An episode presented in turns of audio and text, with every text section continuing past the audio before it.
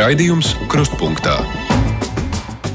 Labdien, otrajās lieldienās saka jums es, Aidis Tomsons. Arī šajā svētku laikā skan raidījums krustpunktā, tikai nu šoreiz tas mums ir īsāks, nepilnas stundas garumā. Kā parasti mēs tiekamies tiešraidē, kas nozīmē, ka klausītājiem arī ir iespēja iesaistīties raidījuma tapšanā, rakstot un komentējot, ko nu mēs šeit runājam. Pašu raidījumu uzbūvu mēs nemainīsim, mums būs lielā intervija, kāds parasti ir pirmdienās, tikai mēs šodien mazāk runāsim par politiku, vairāk par cilvēcisko un pieskarsimies pagājušā nedēļā uzsāktiem tematlokam par paliatīvo aprūpi. Mēs esam apņēmušies nākamajos mēnešos šim jautājumam veltīt īpašu uzmanību. Izmisuma zonā - paliatīvā medicīna Latvijā. Pēta un risina raidījums Krustpunktā. Mūsu šīs dienas krustpunktā viesiņš ir cilvēks, kurš, manuprāt, ļoti interesants personība. Vismaz tāds priekšstats man ir veidojies, gatavojoties intervijai, nu, lasot ko nu visu es varēju sameklēt un atrast par viņu. Arī šeit pirms dažiem gadiem viņa bijusi Latvijas radio raidījuma monopols viešņa Stradiņas slimnīcas. Es pareizi izlasīšu garīgās aprūpas un sociālā darba dienas vadītāju. Tā ir Jā. rakstīts slimnīcas mājaslapā Dana Kalniņa Zaķa. Labdien! Labdien! Es vispār sapratu no slimnīcas lapas, ka jūs esat vairāks, kas darbojaties Stradiņas slimnīcā un rūpēties par nu, pacientu garīgajām vajadzībām, vai ne tā? Jā, tā mm -hmm. ir. Mhm. Izstāstiet, kas ir tā ikdiena jūsu? Mhm. Nu, uh, dienestā mēs esam tātad ir viens pilnlaika kapelāns, ir puslodes kapelāns, esmu es, kas arī esmu kapelāns pēc profesijas, un ir vēl četri sociālie darbinieki, un mēs darbojamies diezgan cieši kopā. Mm. Tas nozīmē, ka mums bieži ir uh, vien un tie paši pacienti vai ģimenes vai kādas īpašas situācijas, kuras mēs tad skatāmies no abām šīm profesijas pusēm. Mm. Ko tad jūs darāt, lai mums ir priekšstats? Nevarētu teikt, ka droši vien ikdienā daudz cilvēku zina. Nu, um, jā, nu, kas attiecas varbūt uz uh, kapelānu darbu. Um, kapelāni pirmām kārtām slimnīcā, nu tā ir īpaša profesija. Tas ir īpaši uh, izglītots cilvēks, apmācīts cilvēks, uh, certificēts kā ārstniecības atbalsta persona, atrodas ārstniecības atbalsta persona reģistrā, um, kas nozīmē, nu jā, tādu paaugstinātu atbildību un arī noteiktas prasmes. Uh, lielākoties, tad, kad nāk, nu, piemēram, teoloģijas studenti dažkārt izrāda interesi un grib mācīties šo profesiju. Un tas pirmais viņu satraukums ir, nu, ko es teikšu, kad es ieiešu palātā un uz mani skatīsies, un ko es teikšu. Un tad palēnām apmācības procesā kaut kā klūpot un krītot un mēģinot atrast uh, to iemeslu, kādēļ gan man būtu jāiet pie cilvēkiem slimnīcā. Tas jūsu ikdienas darbs ir staigāt apkārt pa palātām? Uh, un tas ir, mm, es teikšu, varbūt tas ir vairāk tāds uh, sākotnējs etaps. Uh, tas, ko mēs šobrīd darām, mēs atbildam jau uz izsaukumu. Mm. Mums zvana no nodaļām, piesaka, izstāsta apmēram situāciju, un tad mēs ejam, stādamies priekšā un Jā, jā, tas ir tas, ir tas ar ko es gribēju sācīt. Cilvēku jā. jūs meklējat, vai jūs cilvēkus jā, meklējat? Jā, un ir gan tā, gan tā. Gan tā. Jā. Un pēc kuriem principiem tad jūs izvēlaties, kurus meklēt, ja savukārt runājam par jūsu iniciatīvu? Mm -hmm. uh, nu, ja, ja runājam par mūsu iniciatīvu, un, un tas kaut kāds zināms zinām, principi ir izveidoti, jo slimnīca liela ir apmēram 800 pacienti reizēs. Es arī esmu šādi gulējis jūs Jā. slimnīcā. Jā. Nē, esat nekad atnākusi līdz Jā, manīm. Tieši tā. Uh, tas ir pirmām kārtām, ja pats pacients izsaka vēlēšanos, ja kāds no viņa tuviniekiem izsaka vēlēšanos, uh, ja ārsts konstatē kādu īpašu situāciju, kas saistīta ir uh, vai nu ļoti lielām ciešanām. Ko ārsts konstatē? Ja? Ārsts redz. Vai, piemēram, ir situācijas, kad um, um, pacients ir vientuļš, pie viņa neviens nenāk, un nenāk, un nenāk, un nenāk. Un tā medicīniskā puse arī ir pietiekami nopietna. Um, jā, un ārsts izvērtē, ka jā, kāpēc ne? Varbūt vajadzētu pamēģināt arī šeit nu, tādu veidu atbalstu.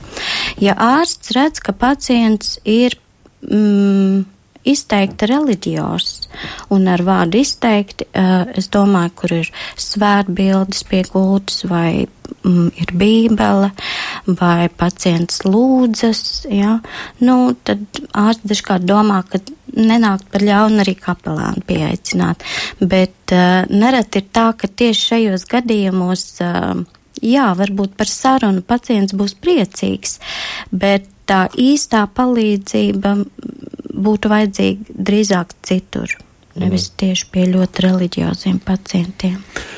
Savukārt tie, kas jūs paši meklē, nu, kāpēc viņi to dara, ar kādu, ar kādu nolūku? Mm -hmm. nu, uh, visbiežāk tie ir, uh, jūs domājat, paši meklē pacienti nu, jā, cilvēki, vai tuvinieki. Jā, jā. jā, visbiežāk tie ir tuvinieki, tuvinieki uh, kas, um, nu, piemēram, um, pavada laiku slimnīcā uh, tajā brīdī, kad pacientam ir operācija, uh, vai kas um, ir zaudējuši pacientu, savu tuvinieku, um, vai um, kur ir kāds konflikts izvērsies ar, ar ārstniecības personālu, jā, vai um, um, vai kur vēlas, piemēram, pieaicināt kādu garīdznieku, tad mēs palīdzam to organizēt. Jā, nu, tie ir tādi galvenie. Kā jūs raksturot, kas tad ir tas galvenais jūsu uzdevums tādās sarunās ar cilvēkiem? Mm -hmm. Nu, um, es to raksturot personīgi kā cilvēcisku kontaktu, kā um, uzklausīšanu, kā sadzirdēšanu, um, kā saprašanu, kas ir pamatā emocionālām vai eksistenciālām sāpēm tajā brīdī cilvēkam. Kaut kas uz psihoterapiju. Uh, un, nu, redziet, um, nu, mūsdienu rietumu pasaulē mēs cenšamies tā cilvēku nu, tā sadalīt. Mēs cenšamies atdalīt garīgo no fiziskā, emocionālo, psiholoģisko, bet nu, cilvēks jau ir viens. Un, um, lai arī, protams, šī specializācija kaut kādā mērā ir vajadzīga un bez tās nevar iztikt vairs mūsdienās, bet tomēr arī ir tā tendence uh, saredzēt to cilvēku kopumā. Jā. Un, protams, ka um, ir pamatā jāpārzina ABC psiholoģijā. Tā uzreiz nav psihoterapija, ja es uzklausu pacientu dzīves stāstu. Tā varbūt uzreiz arī nav grēksūdze, jā? bet nu, es uzklausu un tad es redzu, kas ir manā priekšā. Droši vien jau tas bieži jums uzdotais jautājums, kāpēc jums tāds darbs, nu kāpēc tāda izvēle? Uh, nu, jā, un es esmu jau it kā vairākas reizes atbildējis, un faktiski tā man atbilde nav īsti mainījusies. Uh, pamatā tā ir mana personiska pieredze, kurā es tiku sadzirdēta. Un tas notika mācoties slimnīcā pār kapelānu, ejot praksi slimnīcā. Toreiz vēl bija universitātē teoloģijas fakultātē students. Um, un otrs tāds moments ir, ko es ieraudzīju, kas slimnīcā ir, nu, kur cilvēki ir tādi, kādi viņi ir. Viņi ir ļoti patiesi. Uh, es domāju, pacienti un arī tuvinieki. Jā. Viņi ir ļoti patiesi, un jā, tās emocijas ir grūtas dažkārt, un visbiežāk tās ir bēdas, un tās ir cēras, un tie ir stāsti par zaudējumiem, bet, nu, tie ir fascinējoši patiesi. Tā, nu, tā kā tu pieskaries kaut kādai patiesībai. Un priekš manis tas personīgi ļoti svarīgi ir. Tāpēc, ka tas ir kaut kāds jautājums jau par nu, nu, dzīves būtība, būt vai nebūt? Jā, arī, protams, ka būt vai nebūt. Nu, mūsdienās jau dzimšana un arī miršana tie ir vairāk tādi drusku kļuvuši medicīniski notikumi, bet īstenībā tie ir sakrāli notikumi. Nu, tas tā kā mazliet viņa vada uz jautājumu par dzīves jēgu. Arī. Kas arī. ir dzīves jēga? Kā tad jūs esat šajos gados sapratusi? Jā, nu, dzīves jēga. Mm -hmm. mm, ir tāds brīnišķīgs uh, kanādiešu skolotājs. Uh, viņu sauc Stevens Jenkinsons, un viņam Kanādā ir tāda skola, uh, kurā viņš māca par to, kā ir labi mirt. Uh, un kad uh, viņam uzdeva jautājumu par dzīves jēgu, uh, un par to, kur viņu meklēt un kā viņu atrast. Viņš teica, nu, dzīves jēga jau nav nekur paslēpusies, ka viņa būtu jāmeklē. Dzīves jēga ir kaut kas, ko mēs veidojam. Un kā es dzīvoju savu dzīvi, tas arī veido to manu dzīves jēgu. Un vēl viena interesanta lieta, ir, ko es esmu novērojusi un secinājusi, ir, ka cilvēka dzīves jēgu īsti ieraudzīt var tad, kad viņš ir aiz, tad, kad viņš aiziet mūžībā. Tad, kad ir šī pēdējā lapus aizšķirta, tad tā jēga viņa kaut kā izgaismojās. Nav par vēlu? Uh, nu, kam par vēlu? Pašam ja viņa ir izgaismojusies. Nu, tādā ja ziņā mēs, mēs redzam. zinām, ka ir viena cilvēka daļa, kas joprojām meklē dzīves jēgu. Žēl, ja to var atrast tikai tad, kad jānomirst. Nu, uh, jā, un vēl viens mans skolotājs, uh, kapelāns brīnišķīgs, kas ir šobrīd jau mūžībā, Arts Lukas, viņš teica, uh, ka, un es nezinu, vai tas ir viņa teiciens, ka cilvēki mirst tāpat kā ir dzīvojuši, tikai vēl vairāk. Kas tad ir jūsu dzīves jēga, piepildījums? Um, dzīves jēga varbūt īsti man, man ir tāds mazliet jautājums. Uh, es nerunāju par dzīves jēgu priekš sevis, es vairāk runāju par dzīves mītu. Kāds ir mans dzīves mīts? Nu, izstāstiet, lai es saprastu. Mans dzīves mīts uh, ir, protams, saistīts ar kaut kādām manām bērnības pieredzēm, ar maniem sapņiem, uh, kas ir cieši saistīti arī ar maniem vecāku un varbūt īpaši mammas sapni kļūt par ārstu. Uh, un uh, viņa vienmēr daudz runāja arī par to, kā viņa, ja dzīvotu otru dzīvi, viņa kļūtu par ārstu, un viņa izstudētu rietumu medicīnu, austrumu medicīnu, indiāņu medicīnu, ķīniešu medicīnu, un tad viņu visus ārstētu. Um, un, uh, jā, bērnībā grāmatas par um, San Mikelu vai um, Alberta Šveicera grāmatu par to, kā viņš kalpoja Āfrikā. Uh, kaut kādā veidā, jā, šie nospiedumi, kas veidoja to vilkmi, um, būt kopā ar cilvēkiem, kas cieš, palīdzēt viņiem, uzklausīt viņus, mierināt. Tad jūsu dzīves piepildījums ir, uh, nu, tā kā būt noderīgiem citiem. Uh, nu, mēs varam dažādi būt noderīgi. Mm, ja es, piemēram, uh, nu, esmu apkopējis, es arī esmu noderīgs. Es slauku grīdas un es padaru kādu telpu tīru. Ja es veikalā strādāju, es arī esmu noderīgs. Ja? Kā tas noderīgums, kā viņš izpaužas, kā viņš sajiet kopā ar to, kas ir nu, dāvanas cilvēkam. Viņa talanti, viņa dotības. Nu, jūs darbs slimnīcā, jūs redzat, ka jums tas tā ir tā iespēja būt noderīgai. Tā? Nu, un dažkārt es arī to neredzu.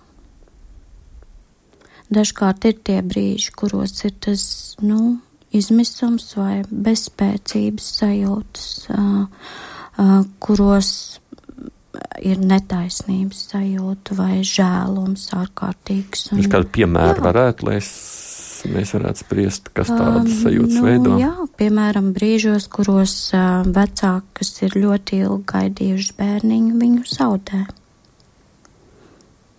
Un kas ir brīnišķīgi cilvēki, kas ir mīlējuši un gaidījuši to brīdi un pūlējušies, lai tas bērniņš viņiem būtu, un viņš tomēr aiziet bojā.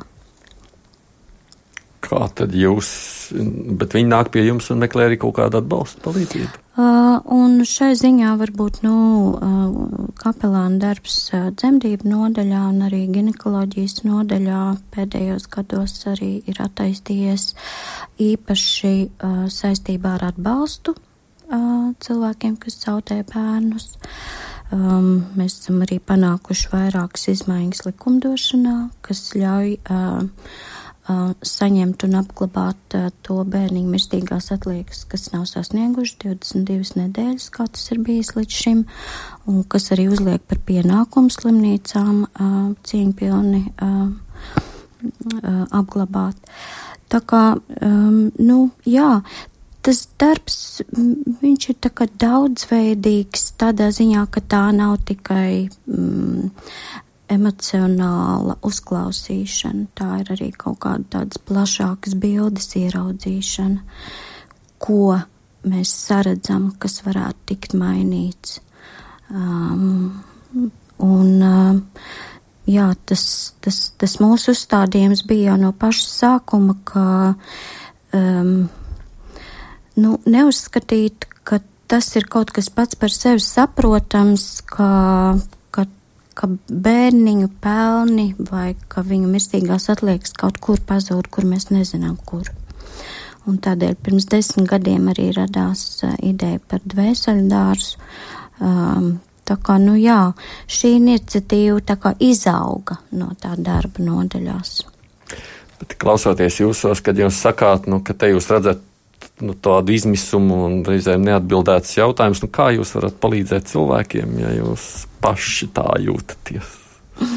Uh, nu, tā man atbild, ka tieši tāpēc mēs varam palīdzēt.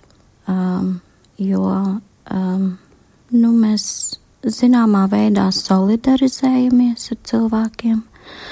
Uh, protams, ja mēs paši neesam līdzīgas lietas pārcietoši, un pat ja esam, tas nekad nav tieši tāpat kā tam otram. Ja? Bet, um, jā, nu, kaut kādā ziņā tā empātija un kaut kāda spēja uh, sajust uh, izmisumu līdzīgi kā tas ir tiem, kas, uh, nu, kas pavada savu bērniņu vai kas pavada savu, ve, savus vecākus mūžībā. Nu, jā, tas palīdz, nevis traucē. Mm. Mēs te nonākam mazliet jau tajā zonā, kur mēs arī pieteicām, runājot par paliatīvu aprūpu Latvijā. Cik daudz jums vispār sanāk satikties ar tiem, kuriem jūs zināt, ka palīdzēt viņiem vairs fiziski nav iespējams? Um, es, es drusku varbūt tā kā oponēšu par to Labi. fiziski nav iespējams. Jā. Um, Bet um, nu, jūs varbūt domājat tā tīri. Izārstēt nav iespējams. Izārstēt, jā, jā, jā, nu, tā kā. Paļiedzien. Uh, diezgan daudz, un it sevišķi arī mm, pirmos gadus, kad es biju viena pati, tad nu, ļoti daudz. Īsnībā es pat nezinu, cik daudz uh, pacientus es esmu um, bijusi klāt, kad viņi aiziet, vai bijusi ar viņu tuviniekiem. Jā, daudz tas ir bijis, tā pieredze ļoti liela. Pajautāšu tā, varbūt mm -hmm. ļoti neemocionāli, bet tomēr, ko jūs domājat par pašreizējo paliatīvo aprūpi Latvijā? Um, jā, ar paliatīvo aprūpi ir tā, ka es um, jau ļoti daudzus gadus um, esmu kaut kādā ziņā bijusi saistīta ar tām lietām, kas notiek un lietām, kas nenotiek. Uh, un 2000. Um, Septītajā gadā mēs, un kad es saku mēs, tā bija Slimnīca kapelāna asociācija, veidojām ļoti lielu konferenci, starptautisku konferenci par um, pacientu garīgo aprūpi, par dzīves kvalitāti. 2007. Jā, jā. Uh, un pirms tam vēl 2005. gadā arī par to runājām. Tā kā, jā, nu, bija 200 cilvēki, tur bija ļoti daudz, bija gan mediķi, gan sociālie darbinieki, bija um, psihologi, visdažādāko profesiju pārstāvi. Bet jāsaka, jā, lai gan mēs ārkārtīgi daudz uh, mēģinājām uzrunāt dažādu slimnīcu vadītājus, uh, dažādus uh, uh, toreizējos arī vadītājus uh, ministriju um, atbildīgo līmenī, nu, um, tas kaut kā. Jā, tajā brīdī tas bija labi, un cilvēki vēl, šoreiz, vēl šodien atcerās, cik tā bija brīnišķīga konference, bet, um, jā, vai mums, vai nebija īstais laiks, jeb arī mums pietrūka tā balsī spēka, vai kaut kā tas tā lēnām viss, nu jā, un vēl 2008. gadā es arī darbojos ar doktoru Sasāri veselības ministrijas darba grupā, un kaut kā, jā, likās, jā, mēs strādājam, cik brīnišķīgi programma mēs esam uztaisījuši, nu tikai sāksies, jā. Bet, nu, kaut kas pietrūka. Kāpēc tā? Nezināt. Um, jā, un man ir tāda sajūta, uh, ka tas ir tomēr saistīts mm, no tādu drusku. Ne, nevar būt ne tikai ar tā brīža kaut kādu politisko konjunktūru vai ar kaut kādiem sociāliem apstākļiem, ka tas kaut kādā mērā ir tomēr saistīts ar ar kultūras maiņu, ar, ar, ar mūsu sabiedrības nu, to kopīgo kultūras maiņu, um, kas, protams, ietekmē arī veselības aprūpas kultūru. Ja? Kā, mēs, kā mēs skatāmies, uh, par ko mēs domājam vispirms, kad domājam par um, slimību ārstēšanu. Um, cik ārkārtīgi liels akcents ir tieši uz uh, finansiālo pusi, ekonomisko pusi, uh, cik lielā mērā arī mēs saskatām slimnīcu kā uzņēmumu, ja, kā biznesa uzņēmumu, un, protams, ja, ja ir šis milzīgais akcents uz, uz to ekonomisko, uz to biznesa modeli, ja, uh, tad daudzas lietas pazūd, ja viņas aiziet perifērijā.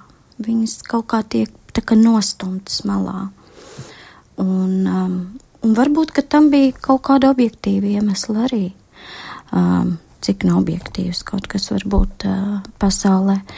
Bet, uh, jā, nu, paliatīvā aprūpē arī nav pārvērtusies daļai pat biznesa. Jo tie cilvēki zvana un stāsta, ka nu, ar šādu aprūpi cilvēki daži pelna lielu naudu. Nu, jā, kā lai pasaka. Um, tur ir vairāk apstākļu, un vispār mums ir jāsaprot, ka, ka pieiet šim jautājumam uh, var tikai sistēmiski. Um, tur nav kaut kāda tāda viena uh, skaidra uh, programma vai viens skaidrs ceļš, nu tagad jāiet pa šo ceļu. Nē, tur ir jābūt sistēmai un jāsāk, kā parasti sistēmā, ir jāsāk no izglītības. Um, es, piemēram, šobrīd uh, mūsu slimnīcā pasniedzu tādu mazu divu stundu uh, lekciju uh, jaunajiem ārstiem rezidentiem par komunikāciju ar um, pacientiem, kas mirst, un ar viņu tuviniekiem. Um, un, uh, kā jums šķiet, cik daudz no viņiem nāk uz šo lekciju? Es tādu gribētu zināt, daudz vai maz? Nu, ļoti maz. Maz tomēr. Nu, ļoti maz. Um, tas ir izvēles kurs, jo par šo kursu um, tādus oficiāli punktus uh, rezidenti nevar saņemt. Bet uh, līdz ar ko, jā, tas ir kaut kas, kas nu, mazliet ir tāds simptoms. Jā. Grūti saprast, kas vēl ir tā slimība, bet tas ir simptoms. Tik ārkārtīgi maza ieinteresētība. Un, bet, protams, ka tie cilvēki, kas atnāk, nu, tie ir vienkārši brīnišķīgi. Tas dod cerību, skatoties uz jaunajiem ārstiem. Jā. jo mēs arī diezgan daudz diskutējam. Es arī lūdzu viņus dalīties ar savu pieredzi, kas viņiem ir grūti, kas, kas ir bijis tāds sevišķi grūts. Un jā, viņi dalās. Un, tā kā ar izglītību ir jāsāk ar to, ka jau uh, māsu skolā uh, ārstu izglītībā jau no pirmā kursa, nevis gaidīt līdz rezidentūrai, ir iekšā komunikācijas pamati, un tie ir jāsāk ar to, ka ārstam ir jāizprot, jaunajiem topušiem ārstam, ir jāizprot pirmkārt sevi kā cilvēku. Kā viņa komunikācijas stils ietekmē otru cilvēku. Viņa neverbālais, tas, ko viņš dara ar ķermeni, viņa balss, kādus vārdus viņš izvēlās, ko viņš sadzird, ko viņš nesadzird, kādēļ viņam ir tik grūti būt, uh, piemēram, piemirstošs cilvēks, ko viņš pats domā, ko nozīmē nāve, ko priekš viņa tas nozīmē, ko tas nozīmē ārstam, kas ir mācīts glābt dzīvību kā tas viņu ietekmē emocionāli. Visi šie jautājumi, tiem ir jābūt jau no pirmā kursa. Uh, un, uh, jā, izglītība, tas ir viens, otrs ir arī uh, komunikācija. Komunikācija savā starpā, piemēram, ārstu māsu starpā, jā, uh, koleģiālā uh, ārstu pacientu starpā. Um, nu, tur mēs vēl klibojam stipri. Un, uh, šīs komunikācijas prasmes, saskarsmes prasmes ir tīpaši palietīvajā aprūpē ir nu, centrā. Tur ir komunikācija centrā, tā ir galvenā prasme, jo tam ārstam ir jāskatās uz pacientu nevis kā uz tādu individuālu vienību, bet viņam ir jāskatās uz visu ģimenes sistēmu un jāprot komunicēt ar šo sistēmu, jāsaprot, kāda dinamika te notiek. Um, nu, jā, un tad, tas nav kaut kas pašsaprotams. Mēs ar to nepiedzimstam, tas ir jāmācās. Savukārt tas otrs aspekts, kas bieži tiek pieminēts, ir jautājums par naudu. Ko jūs sakāt par izglīt, uh, veselības ministras sacīto? Nu, domāju, viņi tā no sirds arī to stacīja. Viņi saka, ka, nu, ja nebūs papildus tās naudas, tad, tur, tad tam nav jēgas par to vispār runāt. Uh, nu, es domāju, ka droši vien viņi neteica, ka nav jēgas runāt, bet vairāk uzsvērt tieši šo uh, papildus finansējumu uh, nepieciešamību. Un, uh, Nu, jā, um, mēs, protams, skatāmies un salīdzinām, kā tas ir citās valstīs. Ja? Nu, mēs jau nedzīvojam izolēti no pasaules. Un mēs redzam, ka nu, tur tomēr ir lielāks šis finansējums. Nu, kāpēc? Un, uh, labi, ir dažādas labklājības līmeņi valstīs un tam līdzīgi, bet uh, tas taču nav noslēpums, ka paliatīvā aprūpa izmaksu ziņā ir stipri, nu, varētu teikt, lētāka kā um, terciāra aprūpe augsta līmeņa slimnīcā. Ja? Tā kā, nu, ir jādomā par to nevis tik daudz, um, ka mums vispār nav vajadzīgs finansējums veselības aprūpē, ir viņš vajadzīgs obligāti, bet kā šī proporcija, ja, kam mēs tērējam to lauvas tiesu. Tās bažas, sakot, nu, re, atņems naudu tiem, kuriem var palīdzēt vēl, lai viņi turpina dzīvot, un dos tiem, kuriem tāpatās viņi nomirs. Es tagad tā mazliet cīniski, bet uh, es mm. Šis aspekts kādiem stāv visu laiku prātā runājot. Nē, nu jā, nu tas ir diezgan komplekss jautājums. Es jau teicu, tas ir komplekss, un mēs nevaram kompleksu jautājumu, nu tā vienkāršoti atbildēt.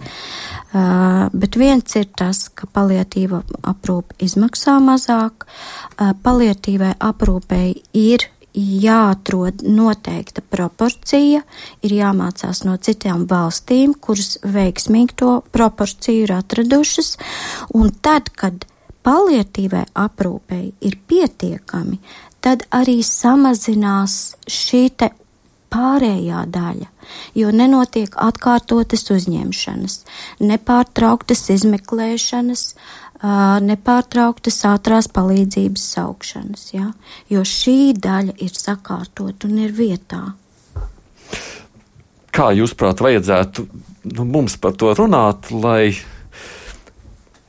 nav tā kā 2008. gadā vai 2007. pēc jūsu mhm. konferences, bet lai patiešām ir rezultāts? Jā, nu, es domāju, ka tas ir ārkārtīgi apsveicami un brīnišķīgi, ka jūs esat sākuši par to runāt, jo um, cilvēkiem, kas ir grūtībās, kas ir mirstoši pacienti, kas ir tuvinieki, kas ir jūtas izolēti, viņiem nav balss iedota. Un jūs esat šī balss šobrīd. Um, tad tas ir viens princips. Otrs princips ir, uh, ka par šiem jautājumiem būtu jārunā regulāri. Tā nav tāda lieta, ko var atrisināt kampaņveidīgi. Ja? Um, ir labi tādi tāda fokusēta uh, viena kaut kāda tā, tāds notikums, piemēram, konferencijā. Par to vēl ilgi runā, bet tam ir jāseko kaut kādiem konkrētiem soļiem. Ir kaut kādam, kaut vai mazam solim, bet, kad es nākošu gadu, piemēram, atskatos un es redzu, o, šis ir izdarīts, kaut vai šī mazā lieta. Tāpēc, jā, Tā kā žurnālistu uzdevums būtu jā, šo balsi um, pastiprināt un turēt viņu aktuālu. Es atgādinu klausītājiem, tātad mums ir saruna šodien studijā kapelānis, tādiņas slimnīcas garīgās aprūpas un sociālā darba dienas vadītāja Dana Kalniņa Zaķa. Izmisuma zonā - paliatīvā medicīna Latvijā. Pēta un risina raidījums Krustpunktā. Nu, pabeidzot vēl šo ciešanu jautājumu, tomēr, kā jūs vispār atbildat šo jautājumu, kāpēc cilvēki cieš?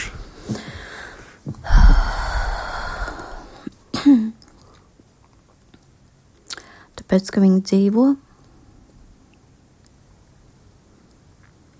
Ciešanas un dzīve ir viens un tas pats. Jā, es domāju, ka jā. Nevis viens un tas pats, bet tas ietver. Dzīve ietver ciešanas. Jā. Mm. Un kā tad ir atbildes ciešanām? Um, hm. um, Atbilde ciešanām ir mīlestība, nepamešana novārtā, klātbūtne, balsiedošana, um, sadzirdēšana. Es pajautāšu to jautājumu, ko es pieļauju būtu šī brīža politiskajā aktualitātē, pieņemsim, ļoti interesanti kādam pajautāt. Es pilnīgi dzirdu savu klausītāju zvanu, nu, kāpēc notika sprādziens Šrilankā, nu, kāpēc tiem 300 tur vajadzēja iet bojā. Vakardienas notikums. Mm, jā. Ko jūs par to domājat? Jā, nu, uh, man, man nav atbildes uz šo jautājumu. Uh, tieši tāpat kā man nav atbildes uz uh, jautājumu, kāpēc nu, aiziet bojā nevainīgi cilvēki, kāpēc nomirst mazi bērni. Um, es nezinu. Es, es tiešām aiti nezinu atbildi. Um, un es nestrādāju to darbu, tāpēc, ka es zinu atbildes.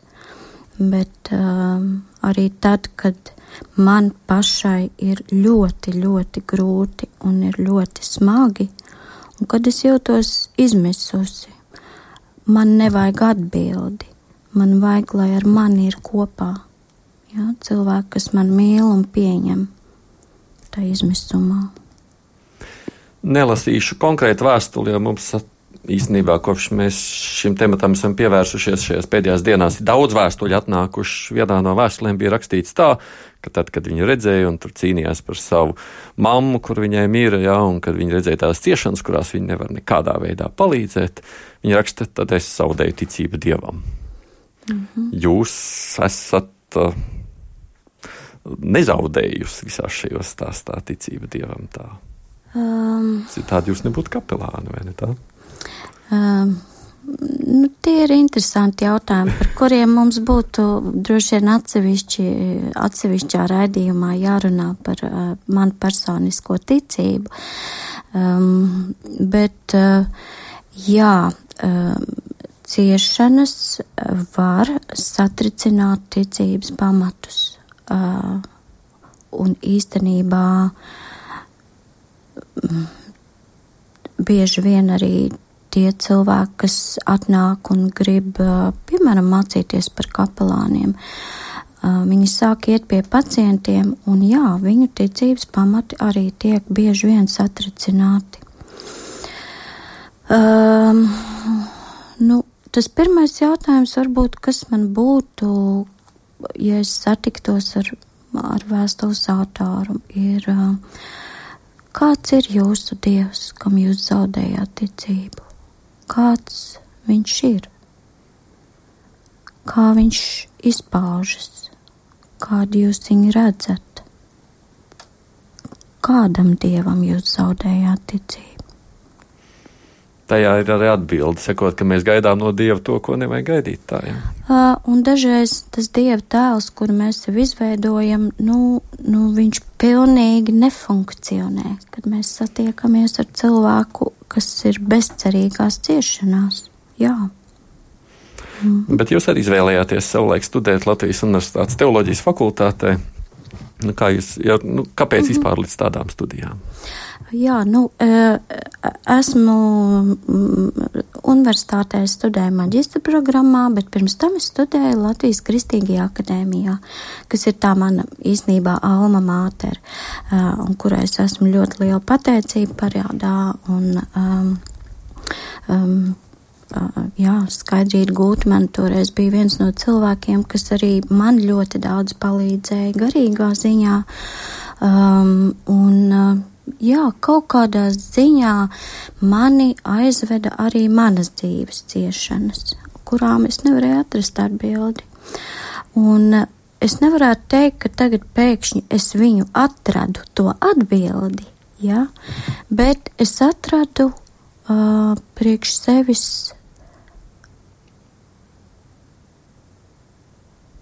mierinājumu, tā to varētu teikt. Es atradu priekš sevis um, ceļu, kuru ejot, es varētu kaut kādu nozīmi piešķirt tam, kas notika. Ja? Kaut kādu tādu jēgas veidošanas dzirksteli. Ja? Un uh, jautājumi par cilvēku garīgumu, um, nu, kristietība um, šai gadījumā bija mana uh, garīguma tā kultūras forma. Ja? Um, ja es dzīvotu kādā citā kultūrā, citā zemē, iespējams tā nebūtu kristietība. Uh, šai gadījumā tā bija. Un, um, jā, tajā ziņā es atradu priekš sevis to ceļu, kuru ejot, es sāku saredzēt jēgu lietām vai izveidoju viņu jaunu. Nu, jā, tajā pašā laikā domājot arī par jums, nu, jums taču tā tad māsa Reizija Kalniņa, brālis Kristis Kalniņš, tur tā arī interesi par garīgo ir. Jums šķiet, ka tas pamats tomēr nāk no ģimenes? Um, hmm. Nu, um, kaut kāda mistērija tajā visā ir. Es nezinu, vai tieši no ģimenes, vai kaut kādā veidā tā gaisotne, kurā mēs augām, es viņu raksturotu kā ļoti radošu un uh, garīgi brīvu gaisotni.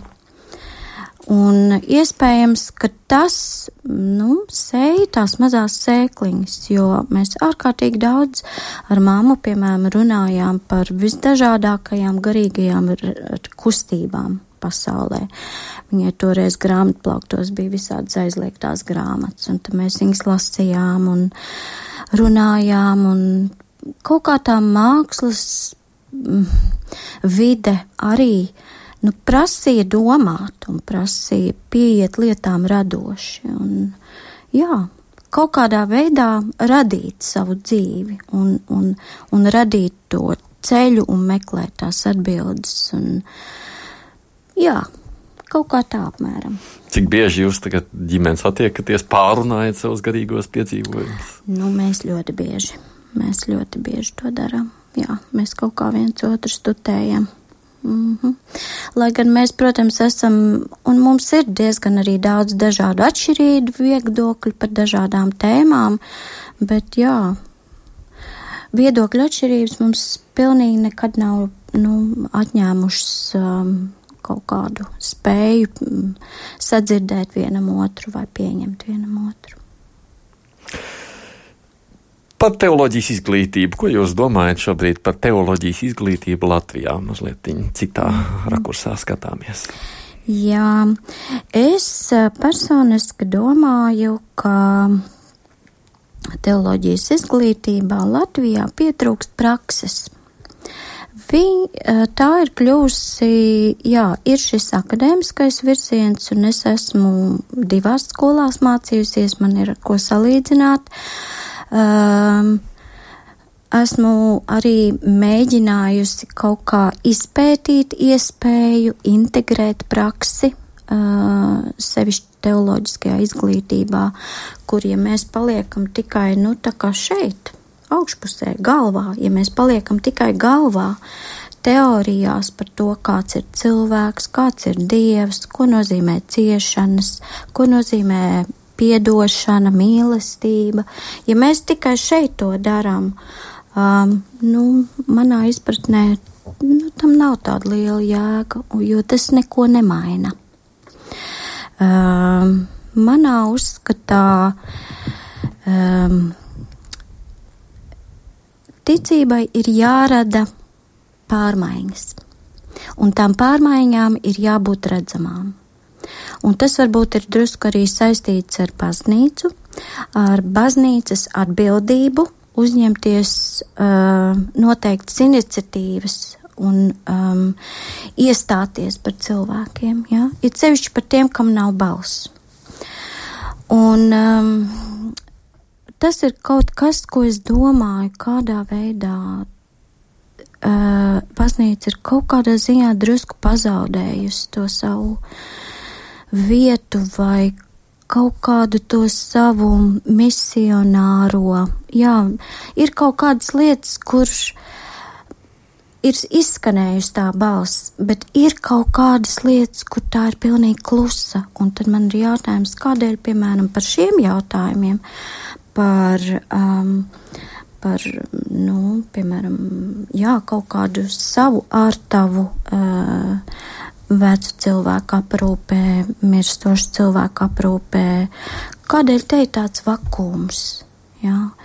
Man ir tie jautājumi, es domāju, kādēļ tas tā ir. Un uh, tas ir saistīts ar to jautājumu, ko jūs uzdevāt ar, ar izglītību. Jā? Um, jo nu, ir, jās, ir jābūt tam veidam, kā tu galvu savieno ar sirdi, uh, un to var izdarīt tikai ejot pie cilvēkiem. Esot tur, kur ir ciešanas.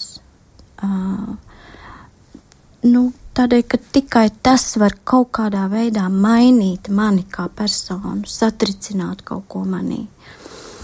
Un, um, un jā, Un tādēļ es, es kaut kādā ziņā saredzu, ka tas, tā baznīcas balss ir pārāk klusa tur, kur viņai ir jābūt un ir jāskan skaļi un īsnībā jābrēc. Bet, nu, ir jau kādas lietas, kurās baznīcā ir kaut kādi savi principi, varbūt tāpēc nekāpj pāris arī paņem vēl vienu aspektu, par ko nu, sabiedrībā savukārt diezgan daudz tiek runāts par baznīcu un sieviešu vietu mm -hmm. baznīcā un vispār tiesībām kā tādām. Nu, šeit jau arī baznīca ir kaut kāda sava nostāja, mm -hmm. un viņa nesaskan ar sabiedrības jau šīs dienas laiku, nu, gan gaidu, gai, gaidām, gan prasībām. Nu, jā, tā ir. Uh, kas attiecas varbūt uz kaut kādiem maniem personiskajiem uzskatiem, jā, es esmu to pusē, kas domā, ka sievietes ir jāordinē.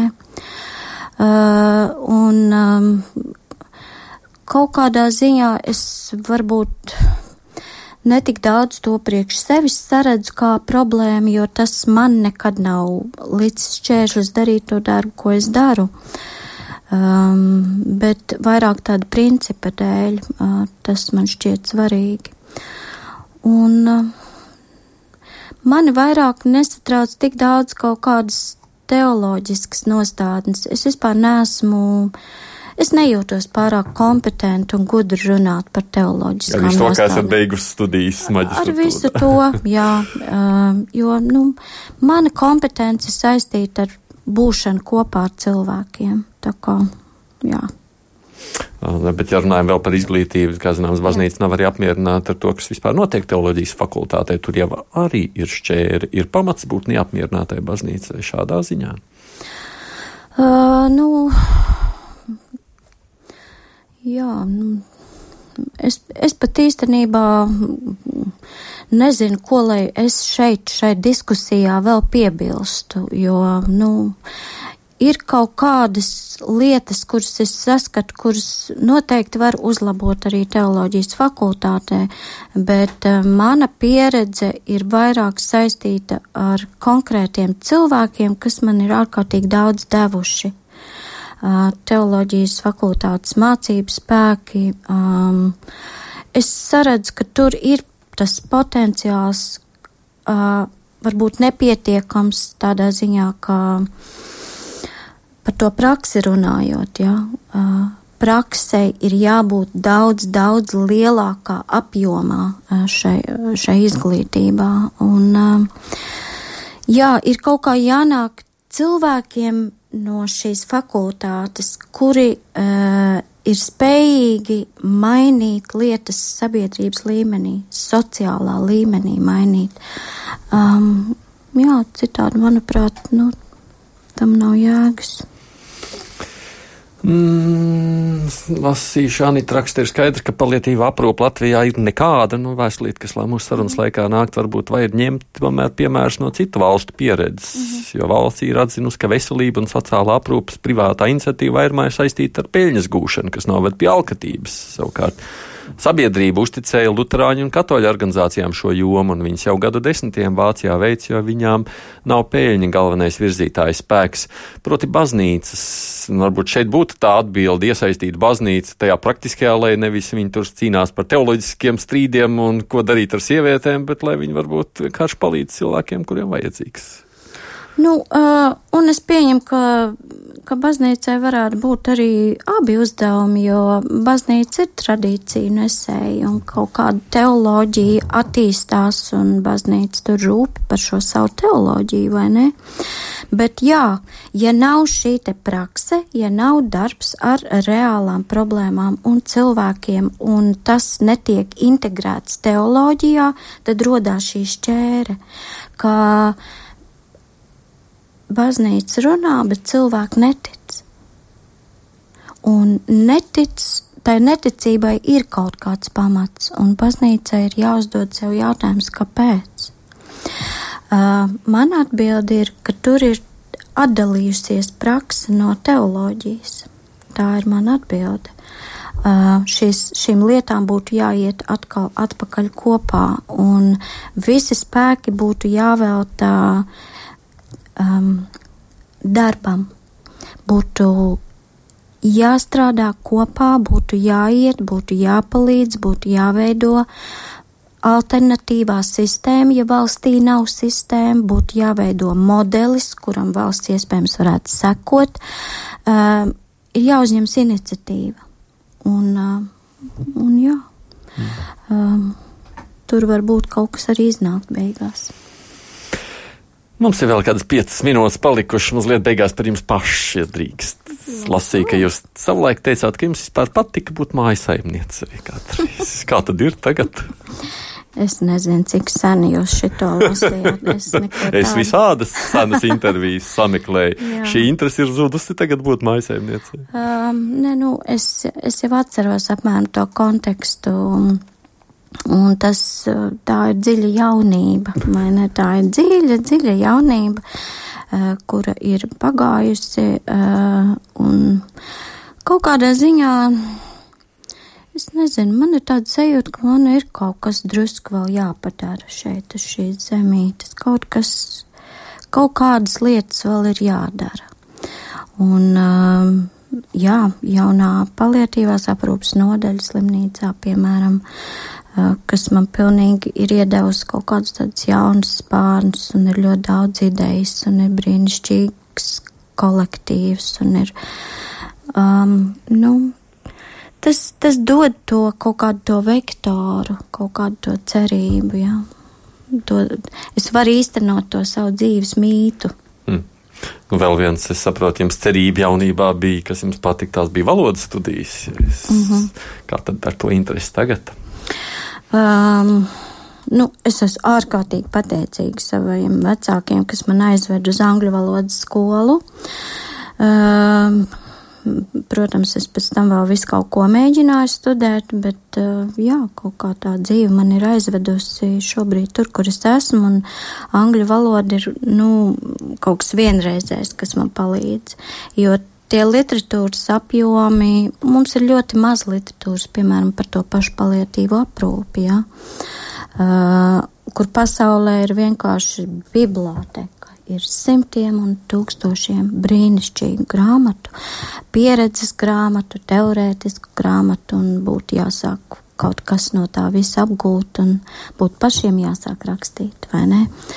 Um, un, lai arī ir šī brīnišķīgā, daudzveidīgā literatūra pieejama, ja runājam par mhm. valodām, uh, tad uh, tas, kas man arvien vairāk izgaismojas, ir, ka mēs nedrīkstam pazaudēt arī kaut kādu savu, uh, to latvisko dzīves gudrību un to tas tradīcijas un to, to kas ir raksturīgs tikai nu, mums kā tautai, ja, tās, tās tradīcijas un tā izpratne uh, par to, um, jā, kā cilvēks dzīvo savu dzīvi, kā viņš sastopas ar savu mirstīgumu, ko nozīmē nomirt, ka mēs šīs senās zināšanas arī kaut kur mēģinātu atrakt un izpētīt, un nevis tā kā kopija pēst paņemt no citām zemēm.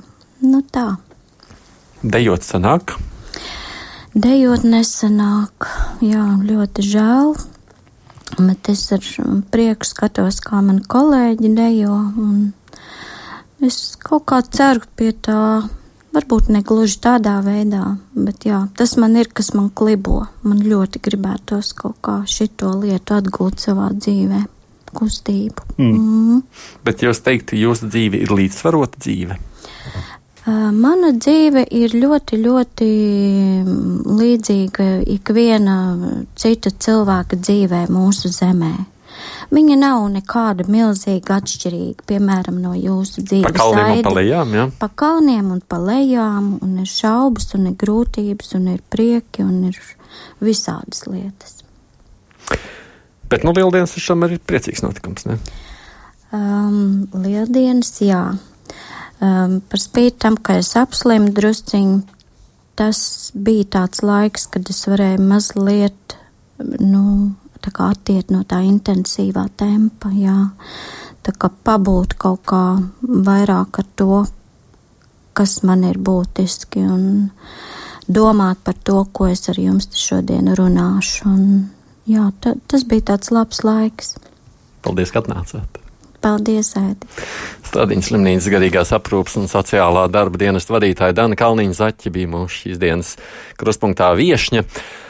Uh, Nu, par citu tematiku rīt gan taisnība. Rīt mums ir mediju anatomija, tas nozīmē žurnālistiskas uh, problēmas. Pārunāsim rīt. Uh, vēlēšana laiks nāk un runāsim par sabiedriskajiem mēdījiem, par to, kā tie darbojas vēlēšana laikā un kāds tad ir sabiedriskais pasūtījums. Mēs skanēsim atkal ierastajā laikā, kas nozīmē, ka raidījums sāksies jau pusdienos un būs arī gan īstenības izteiksme, gan varēsiet zvanīt brīvā mikrofonā un izteikties arī jūs rīt Raidījumu vadīs man kolēģi Māra Jansona, bet šodien kruspunktā līdz ar to izskan producente Tevi Junāma studijā biju es, Aidis Tomsons.